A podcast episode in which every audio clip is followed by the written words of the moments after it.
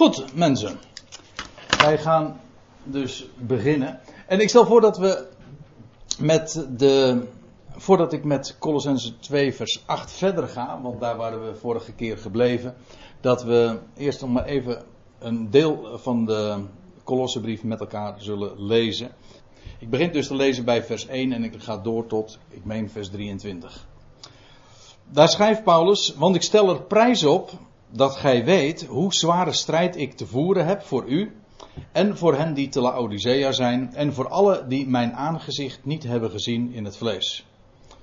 Opdat hun harten getroost en zij in de liefde verenigd worden tot alle rijkdom van een volledig inzicht en zij het geheimenis van God mogen kennen, Christus, in wie al de schatten van wijsheid en kennis verborgen zijn.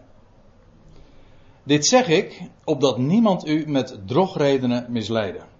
Want al ben ik naar het vlees afwezig, naar de geest ben ik bij u. En ik zie met blijdschap de orde die bij u heerst. En de hechtheid van uw geloof in Christus.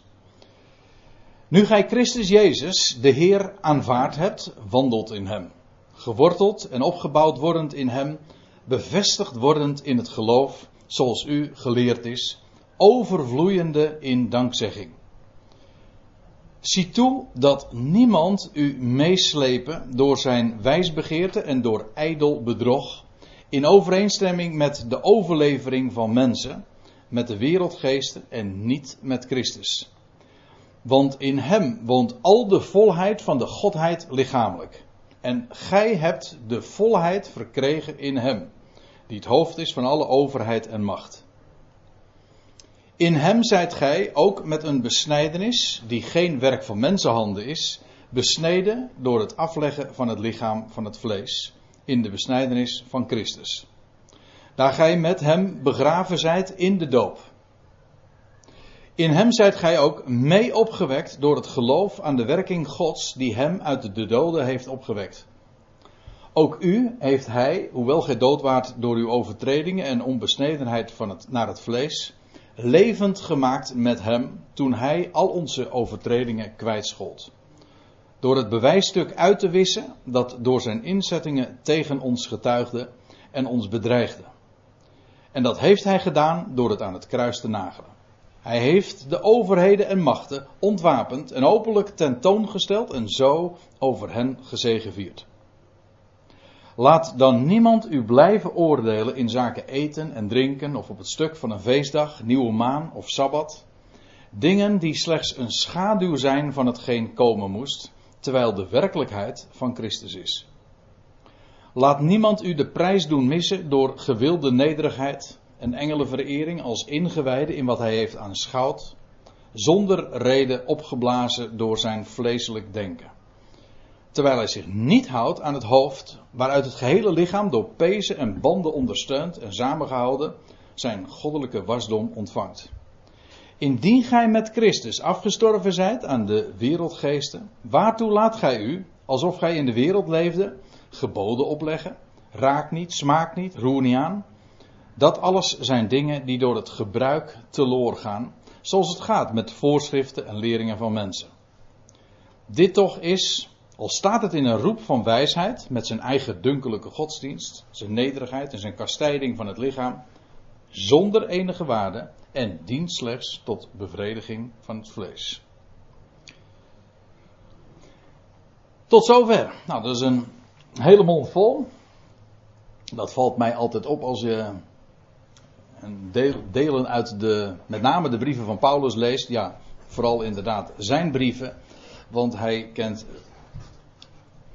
vele volzinnen en soms eh, wat ingewikkelde constructies, waardoor het wat lastig is soms om de draad ook vast te houden, zodat je echt die brieven ook moet bestuderen. Om wat zegt hij nou precies? Want ze zijn zo vol aan inhoud.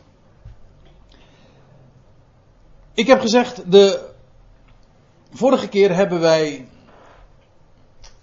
ons bezighouden tot en met hoofdstuk 2, vers 7. En ik stel voor dat we gewoon de draad aan oppakken bij hoofdstuk 2, vers 8. En daarmee heb ik, denk ik wel, het sleutelvers bij uitstek van deze hele brief te pakken. Colossense 2, vers 8. Waarom noem ik dat een, uh, een sleutelvers? Ik zeg niet de enige, maar als u mij vraagt, is het wel het sleutelvers. En daarmee bedoel ik dat het een vers is dat in één regel aangeeft wat de aanleiding is voor het schrijven, maar ook wat Paulus' antwoord is op de grote vraag die daar was ontstaan, of dreigde te ontstaan, zo moet ik het zeggen. Dat geeft vers 8 aan. Hij, hij zegt dit: Zie toe dat niemand u meeslepen. Het woord wat hij hier gebruikt, dat heeft iets te maken met, met kapen of ontvoeren. Het idee is daarbij dat ze weliswaar, zoals we in het voorgaande ook hebben gelezen, ze stonden vast en Paulus verheugde zich over de. Een, het was een kleine geloofsgemeenschap daar in Colosse, misschien een man of tien of zo, ik weet het niet. Maar het was in elk geval, ze kwamen in huis bij elkaar. Dus ik stel me voor dat het niet een al te grote gemeenschap geweest is.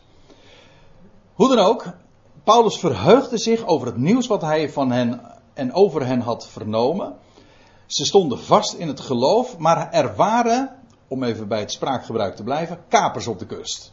Er waren nieuwlichters, mensen die zogenaamd met nieuw licht kwamen en die probeerden te infiltreren in de geloofsgemeenschap al daar. En Paulus had daarover gehoord en dat is de aanleiding voor het schrijven. Vers 8 geeft dat perfect ook weer. Daarom noem ik het ook een sleutelvers.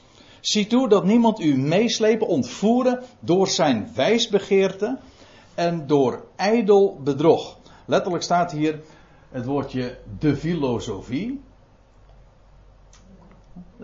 Ons woord filosofie is eigenlijk gewoon een Grieks woord. Philo betekent houden van. En Sophie is wijsheid. Trouwens, ik realiseer me, de vorige keer heb ik daar nog wat over verteld. Over dat woord wijsheid.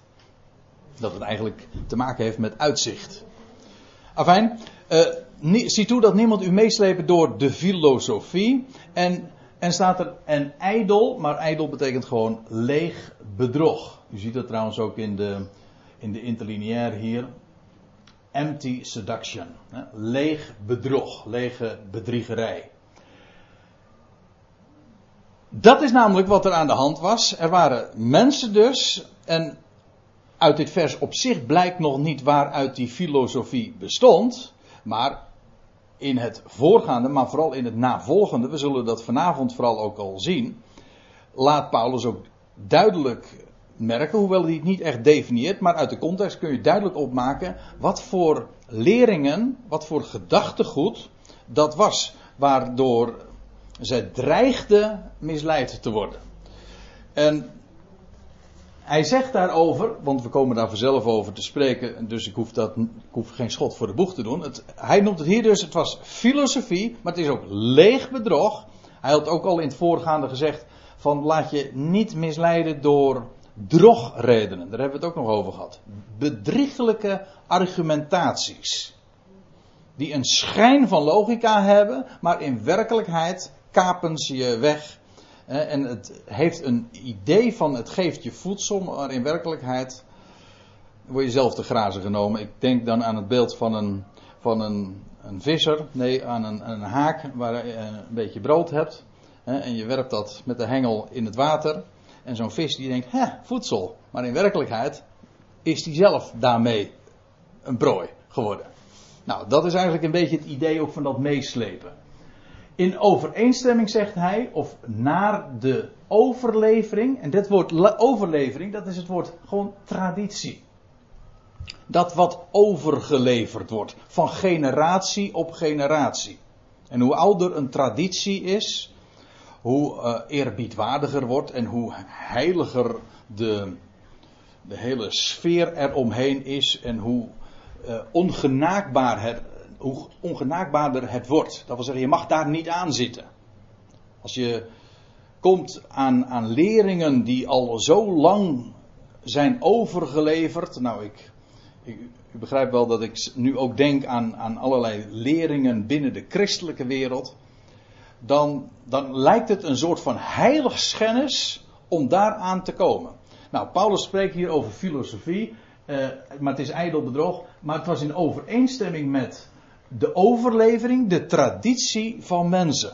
Let op, van mensen. En staat erbij met de wereldgeesten en niet met Christus. Nou, dat, de wereldgeesten, dat is wel een wat ongelukkige weergave hoor. En daar moet ik toch even op ingaan. Want als u statenvertaling hebt, dan zult u zien, dat staat daar letterlijk uh, de, de eerste beginselen, ja. De eerste beginselen. En ik denk dat dat veel beter is. In het Grieks staat daar het woordje stogeia. En dat heeft iets te maken met een, een rij en een kolom. De elementen vertaalt de Concordant Version. De, maar elementen zijn ook de eerste beginselen. De, eerste, de weergave van de Statenvertaling is denk ik heel correct. De elementen, de eerste beginselen, of zo u wilt, het ABC van de wereld. Hè, van, want dat is wat er staat. De elementen van de wereld, van de kosmos. Het ABC waardoor deze wereld, de ordening, want kosmos eigenlijk gewoon een, een ordening waar deze hele wereld op gebouwd is.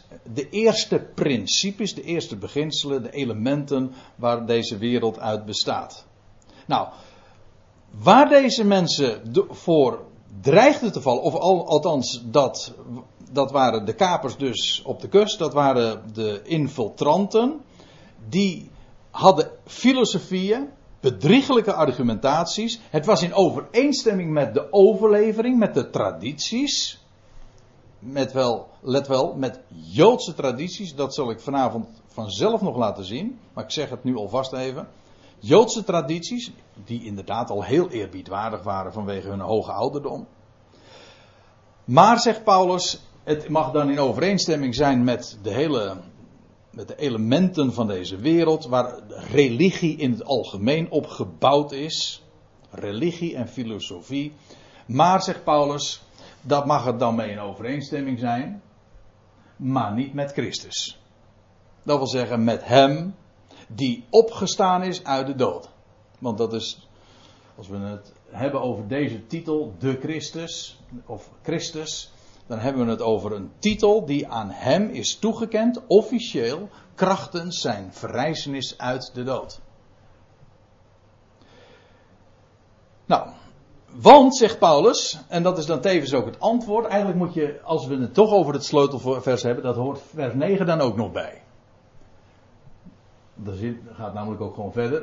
In, eh, in overeenstemming met de overlevering van mensen, met de met de eerste beginselen, met het ABC van deze wereld, maar niet met Christus, want in Hem woont al de volheid van de Godheid lichamelijk. Dus de, de volheid, die uitdrukking waren we al even eerder tegengekomen in hoofdstuk 1, namelijk in hoofdstuk 1 vers 19. Daar lees je gaat ook over Christus, want, in, uh, want het heeft de ganse volheid, van wat staat er niet bij, maar het heeft de ganse volheid behaagd in hem woning te maken. Nou, hier wordt het eigenlijk wat nader ge, aangeduid, want er staat al de volheid van de Godheid. Het idee is dat de, tegen de Colossus gezegd wordt, jullie dreigen meegesleept te worden door leringen van mensen, door tradities, in overeenstemming met de religie wellicht, maar het is niet in overeenstemming met Christus en Hij is voldoende, want in Hem woont al de volheid van de Godheid lichamelijk. God heeft zijn volheid in Hem. Dat is wat het eigenlijk betekent. En, want in Hem woont al de volheid van de Godheid lichamelijk. Ja. En als ik zeg lichamelijk, dan, zeg, dan geef ik daarmee ook aan. Niet alleen Christus, maar ook dus het lichaam. Hoofd en lichaam. Dat, dat blijkt dan ook wel, want als je dan nog even verder leest, lees in vers 11, dan staat er: En gij hebt de volheid verkregen in hem. Ja, jullie zijn in hem gecompleteerd. Dat woord volheid, ik moet even teruggaan, dat woord volheid, dat heeft te maken met. Uh, ja, pleroma is, dat, is het Griekse woord, dat wordt nog eens een keer gebruikt. Dat is een complement, dat wat aanvult. Bijvoorbeeld, uh, dat wordt namelijk nogal eens een keer gebruikt. Eigenlijk hier in dit verband ook. Uh, je, het lichaam is de volheid, het complement of de aanvulling van het hoofd. Wat is een hoofd zonder lichaam? En omgekeerd kun je het net zo goed zeggen. De de, het complement van het lichaam is het hoofd. Als ik het zo zeg, dat is heel grappig. Nou ja, grappig is een ander woord, maar in elk geval, dat is wel heel frappant. Dat is precies het verschil ook tussen de Efezebrief en de Colossensebrief. In de Colossensebrief, daar is het, de, daar is Christus de volheid, het complement, de aanvulling van de gemeente. En in de Efezebrief is het juist de gemeente, Efeze 1, vers 23, daar is de gemeente, de Ecclesia, het lichaam, de, het complement, de volheid van Christus. Maar het is niet zo moeilijk te begrijpen, want het is maar van welk standpunt je het bekijkt. Het hoofd, wat is het hoofd zonder lichaam? Maar omgekeerd, wat is een lichaam zonder hoofd? Die twee hebben elkaar nodig, ze vullen elkaar aan, ze zijn elkaars volheid. Dat is ook het woord wat hier uh, gebruikt wordt. In hem woont de volheid van de Godheid lichamelijk. En gij hebt de volheid verkregen in hem. Letterlijk staat er. En jullie, niet gij hebt de, de volheid verkregen, maar jullie zijn in hem gecompleteerd. Jullie zijn compleet in hem. Als je hem hebt, heb je alles. En waar het om gaat, is dat je gaat ontdekken wat dat allemaal betekent. Op het moment dat je gelooft in Hem, Paulus had het in het voorgaande verse ook al aangegeven, dat op het moment dat je, nu gij Christus Jezus, nou moet ik het even goed citeren, nu gij Christus Jezus de Heer aanvaard hebt, wandelt in Hem, en dan geworteld en opgebouwd wordend in Hem, en, en wassende in Hem. Maar het idee is, je, je vindt je, uh, je wortels in Hem en je, je, groeit. Waarom? Omdat je steeds meer aan Hem onttrekt. Er is, hij is alles. Hij is, hij is meer dan voldoende. Ik zei al, vers 9 is de, de, een sleutelvers. Waarom? Omdat het aangeeft wat het antwoord is op de dreiging daar in Kolossen. En wat in Kolosse een dreiging was, dat is in wezen in de loop van de kerkgeschiedenis tot op de dag van vandaag nog zo actueel. Geweest en nog steeds dus. Namelijk de, eh, de, de gedachte dat Christus niet genoeg zou zijn. Gij hebt de volheid verkregen in Hem. En dan staat erbij in Hem die het hoofd is van alle overheid en macht. Letterlijk staat, wat is het verschil tussen overheid en macht? Nou, de overheid is het hoogste. In het, uh, in het Grieks staat daar een woordje, ja, en dat wordt dan in de Concordant version weergegeven met uh, sovereignty. En dan dat andere is authority en dat is volmacht. Dat is, volmacht, dat is macht die je gegeven is. Hm, zoals stemmen bij volmacht, iemand anders autoriseert jou. Nou, dat is, wat, dat is het verschil. Het idee is natuurlijk, in beide gevallen spreek je over macht. Het ene geval is de oorsprong, de oorspronkelijke macht. En autoriteit is dat wat je aan macht gegeven is. Maar Christus staat hier, van Christus staat hier dus geschreven: Hij is het, het, de, het hoofd, het hoofd van alle overheid en macht. Er is niemand in het ganse universum die een hogere positie heeft dan hij. Wel, wij zijn verbonden als gelovigen, als mensen die nu geroepen zijn en hem mogen kennen, zijn wij geroepen en wij zijn één lichaam. We zijn één gemaakt met Hem. God ziet ons aan in Hem. We, zijn, we hebben alles in Hem. En hij is, de, hij is het hoofd van alle overheid en macht. Waarom gebruikt Paulus deze formulering? Hij bedoelt daar ook mee aan te geven, en dat zullen we ook nog zien. Er is niemand die over ons aan religieuze autoriteiten die macht over ons kan claimen vergis je niet, als je Hem kent, dan ben je verbonden als hoofd en lichaam met de hoogste autoriteit boven alles. Dus wie is bij machten en wie heeft het recht om te zeggen: dit moet jij doen, dat mag jij niet, uh, dat mag jij niet doen, dat moet jij geloven, etc. Niemand. Wij zijn, in hem zijn wij compleet en hij is het hoofd van alle overheid en macht. Ik wil graag even verwijzen, ik noemde net al even het vers, maar ik wil in dit verband even toch dat schriftgedeelte aanhalen. Want in een, nou het is min of meer een parallel gedeelte van de, of ja, een parallel brief. Colosse, brief, misschien heb ik het al een keertje eerder aangegeven in deze studieserie. Maar de Colossensebrief is een brief die parallel loopt met de Efezebrief.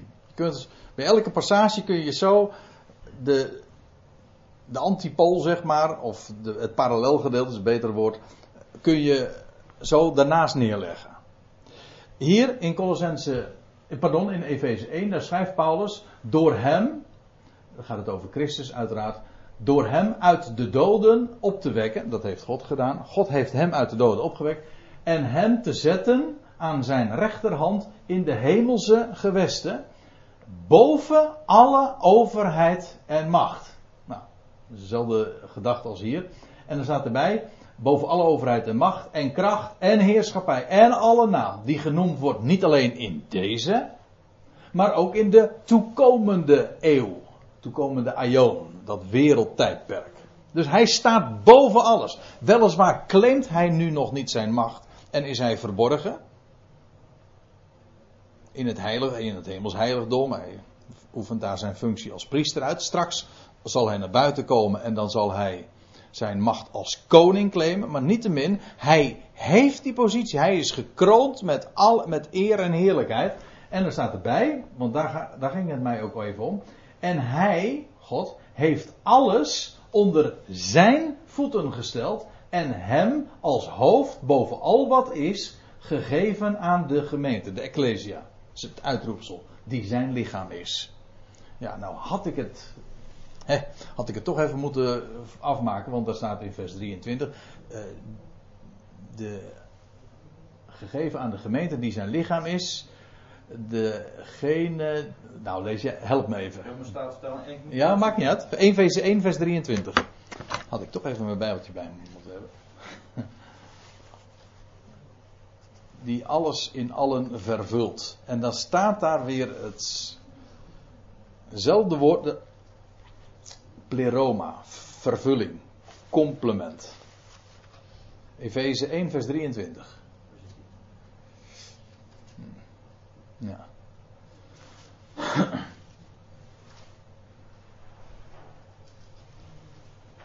Efeze 1 vers 23. Ja. Welke zijn lichaam is en de vervulling desgene die alles in al vervult. Ja, precies. De, die zijn lichaam is, de eh, die zijn, ja, staat trouwens. Ja, dat maakt niet uit. Maakt niet uit. Die zijn vervulling, die zijn, uh, nog één keer. Welke zijn lichaam is en de vervulling desgene die alles in allen vervult. Ja, precies. Zijn, de, de, het lichaam is zijn vervulling. Daar is het. Dat, dat onderstreept dus wat ik, het, uh, wat ik zojuist zei. Ik vind dat even lastig, want jij gebruikt nu een statenvertaling en ik ken het vers uh, beter in, mijn, in de MBG-vertaling. Maar in beide gevallen, meestal moet je toch corrigeren. Omdat het toch uh, vaak wat behelp is met zulke vertalingen. Maar één ding is duidelijk: het lichaam is zijn vervulling. Wat is een hoofd zonder lichaam?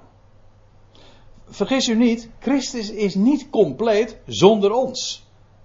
Zoals wij uiteraard niet compleet zijn zonder hem. Hij, hij is ons complement, dus onze volheid. Maar aangezien hij de hoogste positie heeft, het hoofd is boven alle overheid en macht, en wij zijn lichaam zijn, bezitten wij net zo goed die, die, die positie. Wij zijn volledig één gemaakt met Hem. Alles is onder Zijn voeten gesteld. Ja, dat betekent dus ook onder ons, want wij zijn Zijn lichaam. Toch? Dat betekent dus dat Hij eh, ook in de toekomende aion, als we met hem in heerlijkheid verschijnen, zullen wij met hem die positie delen. We hebben daar geen idee van, maar het is wel zo. Dat is wat God eh, heeft uh, beloofd en heeft vastgelegd. Dat is ook wat kenmerkend is voor het lichaam. Ja? Onder zijn voeten gesteld, wat voor tijdsvorm is dat? God, dat weet ik niet. Dat zou je, jij hebt een uh, interlineair. Ah, je bedoelt. Uh, het niet? Nee, ja, goed, dat zou ik niet zo direct weten, André.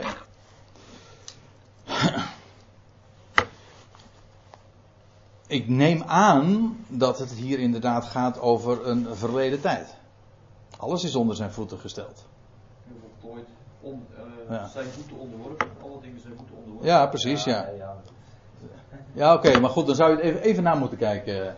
Maar nou, dat is een mooi, mooi ding om eventjes in de pauze te bekijken. Ik weet wel trouwens dat dit een citaat is uit Psalm 8. Waar je leest over de Ben Adam, over de zoon des mensen. Wat is de mens dat gij zijner gedenkt? En de, en de zoon des mensen dat gij hem aanziet. Gij hebt hem weinig minder dan de engelen gemaakt, staat daar dan. Maar met eerlijkheid, met eer en heerlijkheid hebt gij hem gekroond. Alle dingen hebt gij onder zijn voeten gesteld. Psalm 8. Dus dat zijn deze woorden die Paulus aanhaalt dus in Efeze 1. Nou, hoe dat ook zij, hij heeft uh, een positie boven alle overheid en macht. Hij is het hoofd. En wij zijn zijn, zijn lichaam. Nou, ja, wat krijg je nou weer voor een beeld? Nou, dat zal ik even uitleggen. Want in vers 11 gaat uh, Paulus verder. In hem zijt gij ook met een besnijdenis het mooiste embleem van besnijdenis vind ik altijd gewoon dit plaatje nog. Gewoon dat van een, een eikel. Dat is precies wat een besnijdenis namelijk ook inhoudt.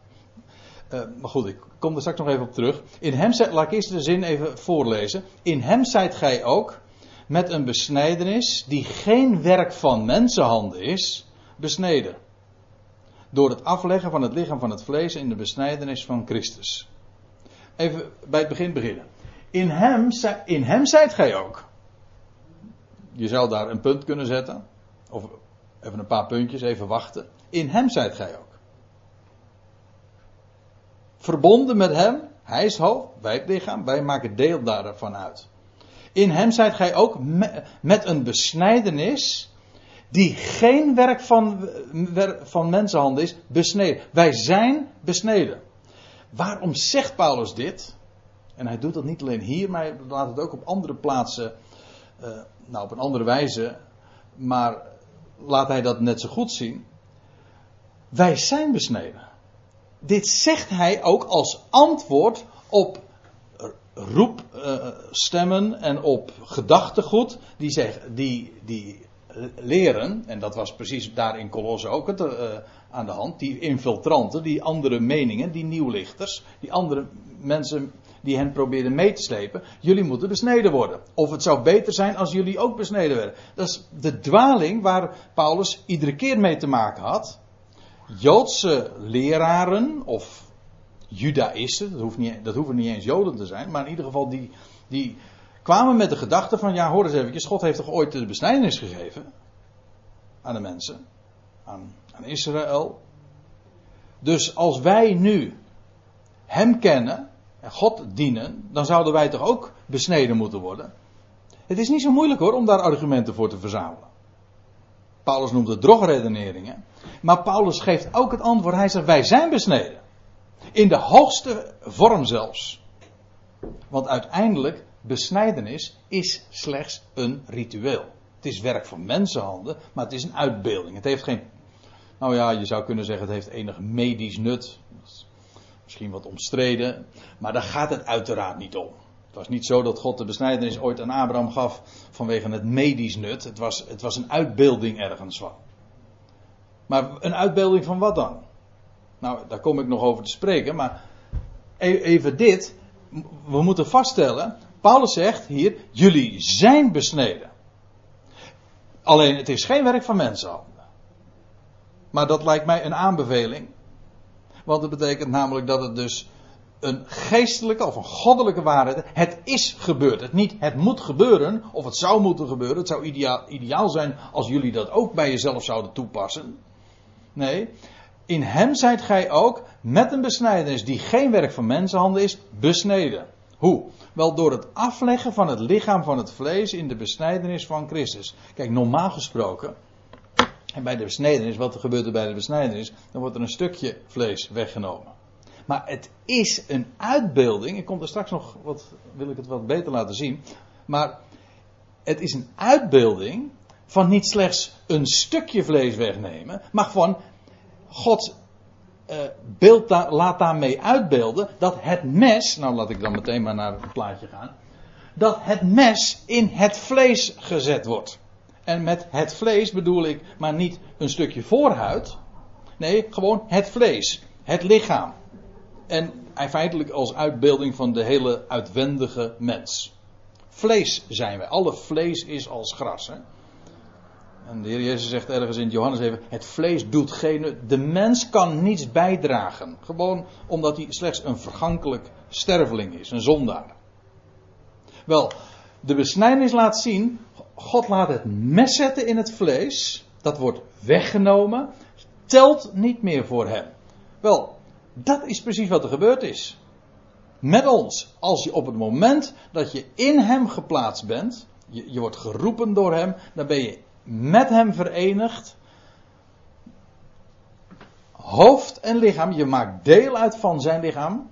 En daarmee is een einde gekomen aan het vlees. Aan het, dat telt niet meer voor God. Het mes is in het, in het vlees gezet. De, de besnijdenis is. Ik wil even een paar, vier dingen er even over opmerken. Je kan het op een negatieve manier zeggen. Wat er bij de besnijdenis plaatsvindt, namelijk een stukje voorhuid wordt weggenomen. Dat is de negatieve manier, dat wat wordt weggenomen. Maar je kunt ook positief zeggen, er wordt iets zichtbaar gemaakt. De vrucht, meer speciaal de eikel, wordt zichtbaar gemaakt. Maar dat is een beeld van de vrucht. Eigenlijk ook van vruchtbaarheid. Het is niet voor niks dat juist het, het mannelijk geslacht uh, die, ingreep ondergaat, die ingreep ondergaat. Het is namelijk uitbeelding van, van vruchtbaarheid. Dat is niet zo moeilijk, hè? en de vrucht wordt zichtbaar. Ja, dat zijn prachtige onderwerpen. Ik, ik, ik, kan er nu niet te diep op ingaan, maar ik wil gewoon even aanstippen. Het is zo prachtig in de Hebreeuwse symboliek, want het woord voor eik en eikol in de, het Hebreeuws is hetzelfde woord als het woord voor eet. God zwoer. Dat, dat zijn verbanden die ons ontgaan. Maar in het Hebreeuws is, ligt dat zo voor het oprapen. Er staat dat God aan Abraham een eed zwoer. Abraham, hè, die was niet meer bij machten om nageslacht voor te brengen. Hij was verstorven, staat er. Maar juist aan een, een kinderloze Abraham en Sarah wordt nageslacht voortgebracht. Het vlees was er niet meer toe in staat, maar God ziet voorbij aan het vlees. Nou, dat is precies wat het eerste aangaf. Hè? Het mes wordt in het vlees gezet. God ziet voorbij aan het vlees, maar er wordt nieuw leven voortgebracht. Vrucht. God zwoer een eed. Doet hij niet vaak. Bij een paar, drie, vier, vijf gelegenheden in de Bijbel lees je dat God niet, niet slechts belooft, maar zijn, beloof, zijn belofte bekrachtigt met een eedzwering. Nou, en dat woord uh, voor, voor eet, dat is het Hebreeuwse woord Allah. Dat is hetzelfde woord als het woord voor eik. Of eikel. Is dat niet opmerkelijk? God zwoer een. En dus de, feitelijk is het zo dat bij het ritueel van de besnijdenis, er wordt de voorhuid weggenomen. Het mes wordt in het vlees gezet. Maar wat er gebeurt, is dat de eikel vrijkomt. Dat wil zeggen, de vrucht van de eik en daarmee werd Abraham en zijn nageslacht herinnerd aan Gods eedswering. God had een belofte gedaan. En, het, en de besnijdenis herinnerde hen letterlijk eraan. Want ja, wat, wat wordt, wordt bij de besnijdenis gedaan? De eikel wordt zichtbaar gemaakt. Gewoon automatisch, altijd. daarmee dus inderdaad een uitbeelding van, van vruchtbaarheid. Wat uit trouwens nog iets blijkt, en dat is het volgende punt. Het is inderdaad een uitbeelding van leven uit de dood. Dit, dit komt erg dicht bij elkaar. Waarom? Wel, ik zei al, Abraham zelf was verstorven. Het ritueel van de besnijdenis vindt zijn oorsprong bij Abraham, zoals u weet. Nou, Abraham was verstorven, dat wil zeggen, hij was impotent, hè, niet bij machten. Zijn, het vlees was daardoor niet meer bij in staat, was niet bij machten om nieuw leven voort te brengen. Maar God brengt leven voort uit de dood. En dat is wat de besnijdenis eveneens uitbeeldt. Voorbij de dood is er leven. Daarom trouwens ook op de achtste dag. Als u daar meer over wil, wil weten, dan moet je aankomende zondag naar Den Haag komen, want dan ga ik, uh, heb ik een studie over de achtste dag. Daar ga ik er veel meer over vertellen, over, die, over dat fenomeen. Maar in dit verband is het genoeg om even op te merken: de besnijdenis vindt plaats op de achtste dag. Maar achtste dag is de eerste dag van een nieuwe week. Het is ook de dag dat de Heer Jezus opstond. En nou kom ik automatisch bij nog een ander punt, en dat is het is de 17e Aviv. Aviv, dat is de eerste maand van uh, de Hebreeuwse kalender. Aviv betekent trouwens lente. Het is maart, maart, april. Tel Aviv betekent eigenlijk lente, heuvel van lente. Maar Aviv, of Abib, staat er in de Statenvertaling geloof ik. Maar de 17e Aviv, dat is de dag dat de Heer Jezus opstond uit de doden. En waarom wijs ik erop? Dat was inderdaad de achtste dag. Het was de dag na de Sabbat. De Sabbat is de zevende dag en hij stond op de dag na de Sabbat en dus, en dus de achtste dag. Dat is ook al een connectie met besnijdenis. Dat is één ding. Maar via een andere lijn. Die 17e Aviv, die is wat moeilijker. Maar ik zal u vertellen. Het was ook de dag. Die kan ik nu niet kortweg bewijzen, helaas. Maar als u er meer over wil weten, kan ik u wel verwijzen naar, uh, een studie, naar studies daarover. Het is de dag dat de Heer Jezus ooit besneden werd als Joods jongetje op de achtste dag. Ik ga er namelijk vanuit dat hij geboren is op 10 Aviv. Daar, dat is wat lastiger om te, uit te leggen. Maar je, het is ontleend aan Lucas 2. Maar we lezen dat de Heer Jezus inderdaad jarig was. De 12 jaar werd net een paar dagen voor het Pascha, voor het Pesach. En dan kom je uit bij de tiende Aviv. Nou, als hij op de tiende Aviv geboren is, een hele opmerkelijke datum, maar tel acht dagen verder, dan kom je bij de zeventiende. En dat is dus, de, als Joods jochie is hij op de achtste dag besneden. Dat was 17 Aviv. En jaren later zou hij op die datum, dat hij ooit als jongetje besneden werd, opstaan uit de dood. Ziet u, ja, het is een beetje moeilijk om al die lijntjes nou weer bij elkaar te brengen. En toch is het ook weer niet zo moeilijk, want uiteindelijk zeg ik via verschillende omwegen en via verschillende routes toch iedere keer hetzelfde. Het verwijst namelijk allemaal naar Christus. En als Paulus schrijft, en nou gaan we even terug uh, in hem zijt gij ook, met een besnijdenis die geen werk van mensenhanden is besneden, door het afleggen van het lichaam van het vlees, want dat is waar besnijdenis dus van spreekt. Lichaam is, het, het vlees doet geen nut, telt niet mee, en dus ook dat zogenaamde, dat completeren van het vlees, allerlei rituele dingen van doen, raak niet, smaak niet, roer niet aan, geboden van mensen, feestdagen moeten onderhouden, dit doen, dat doen, dat niet mogen doen.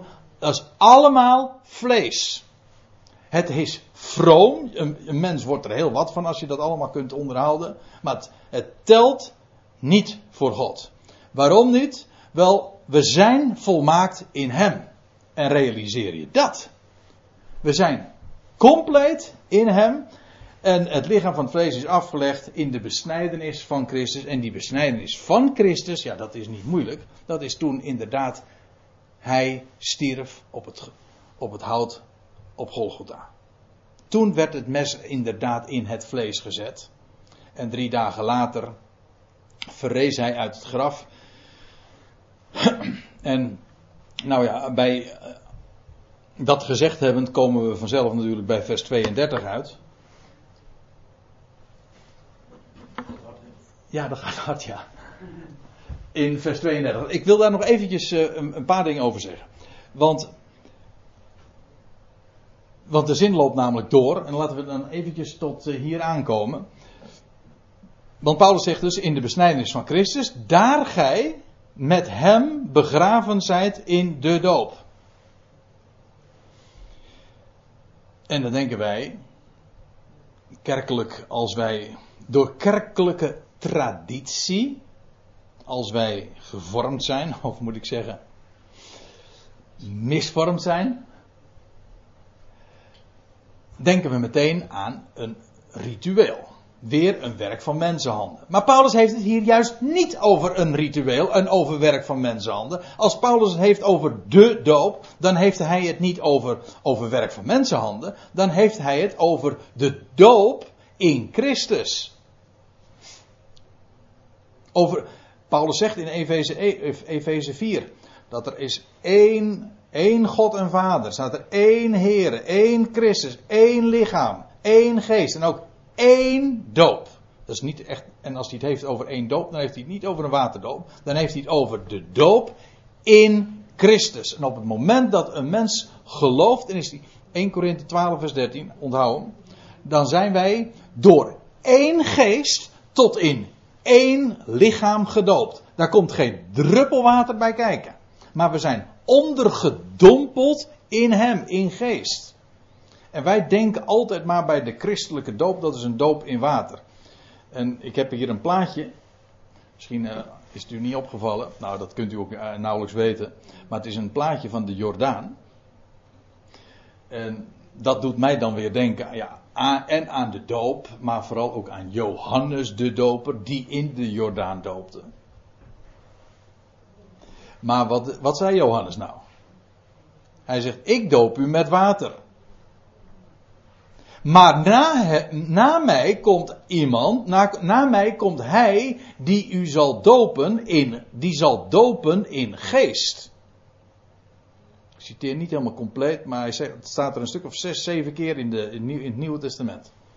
Iedere keer is de gedachte, vaat doop in water, is een uitbeelding van doop in geest, van de echte doop. Dat is de, de christelijke doop is geen doop in water.